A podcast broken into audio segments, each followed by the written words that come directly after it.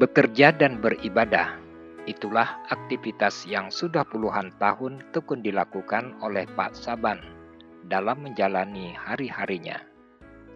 Kakek dari belasan cucu yang kini telah mencapai usia 80 tahun ini terus menunjukkan semangat beraktivitas, berbaur bersama warga di sekitar tempatnya tinggal di Desa Sepempang, Kecamatan Bunguran Timur.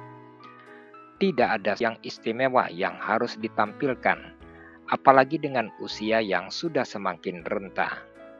Selain menjadi imam masjid dan sekaligus sebagai muazin, Pak Saban hanya disibukkan dengan aktivitas berkebun, tidak jauh dari tempat tinggalnya.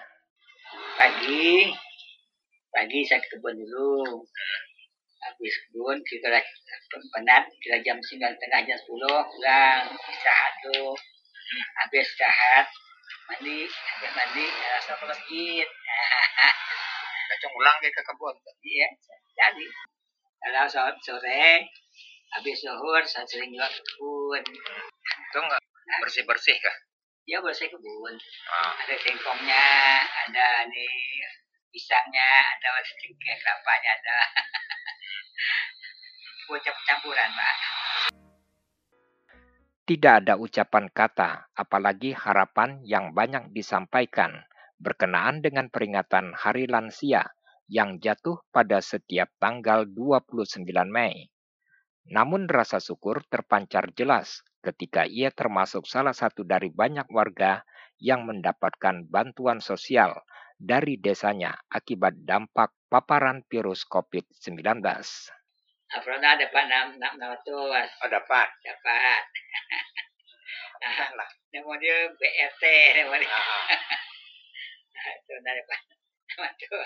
Cuma tiga bulan bulan lima Maret uh, April April tadi kan ya bulan bulan puasa tadi kan ya Mei belum Juni habis Juni dan kalau bedah rumah pak tidak pak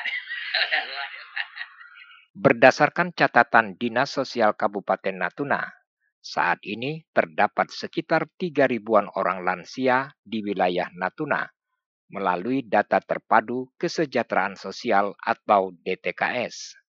Pak Saban mungkin satu dari sekian banyak lansia yang beruntung masih mendapatkan perhatian pemerintah lewat bantuan yang telah diterimanya. Harapan memang para lansia, khususnya yang tergolong tidak mampu, senantiasa mendapatkan perhatian dari pemerintah.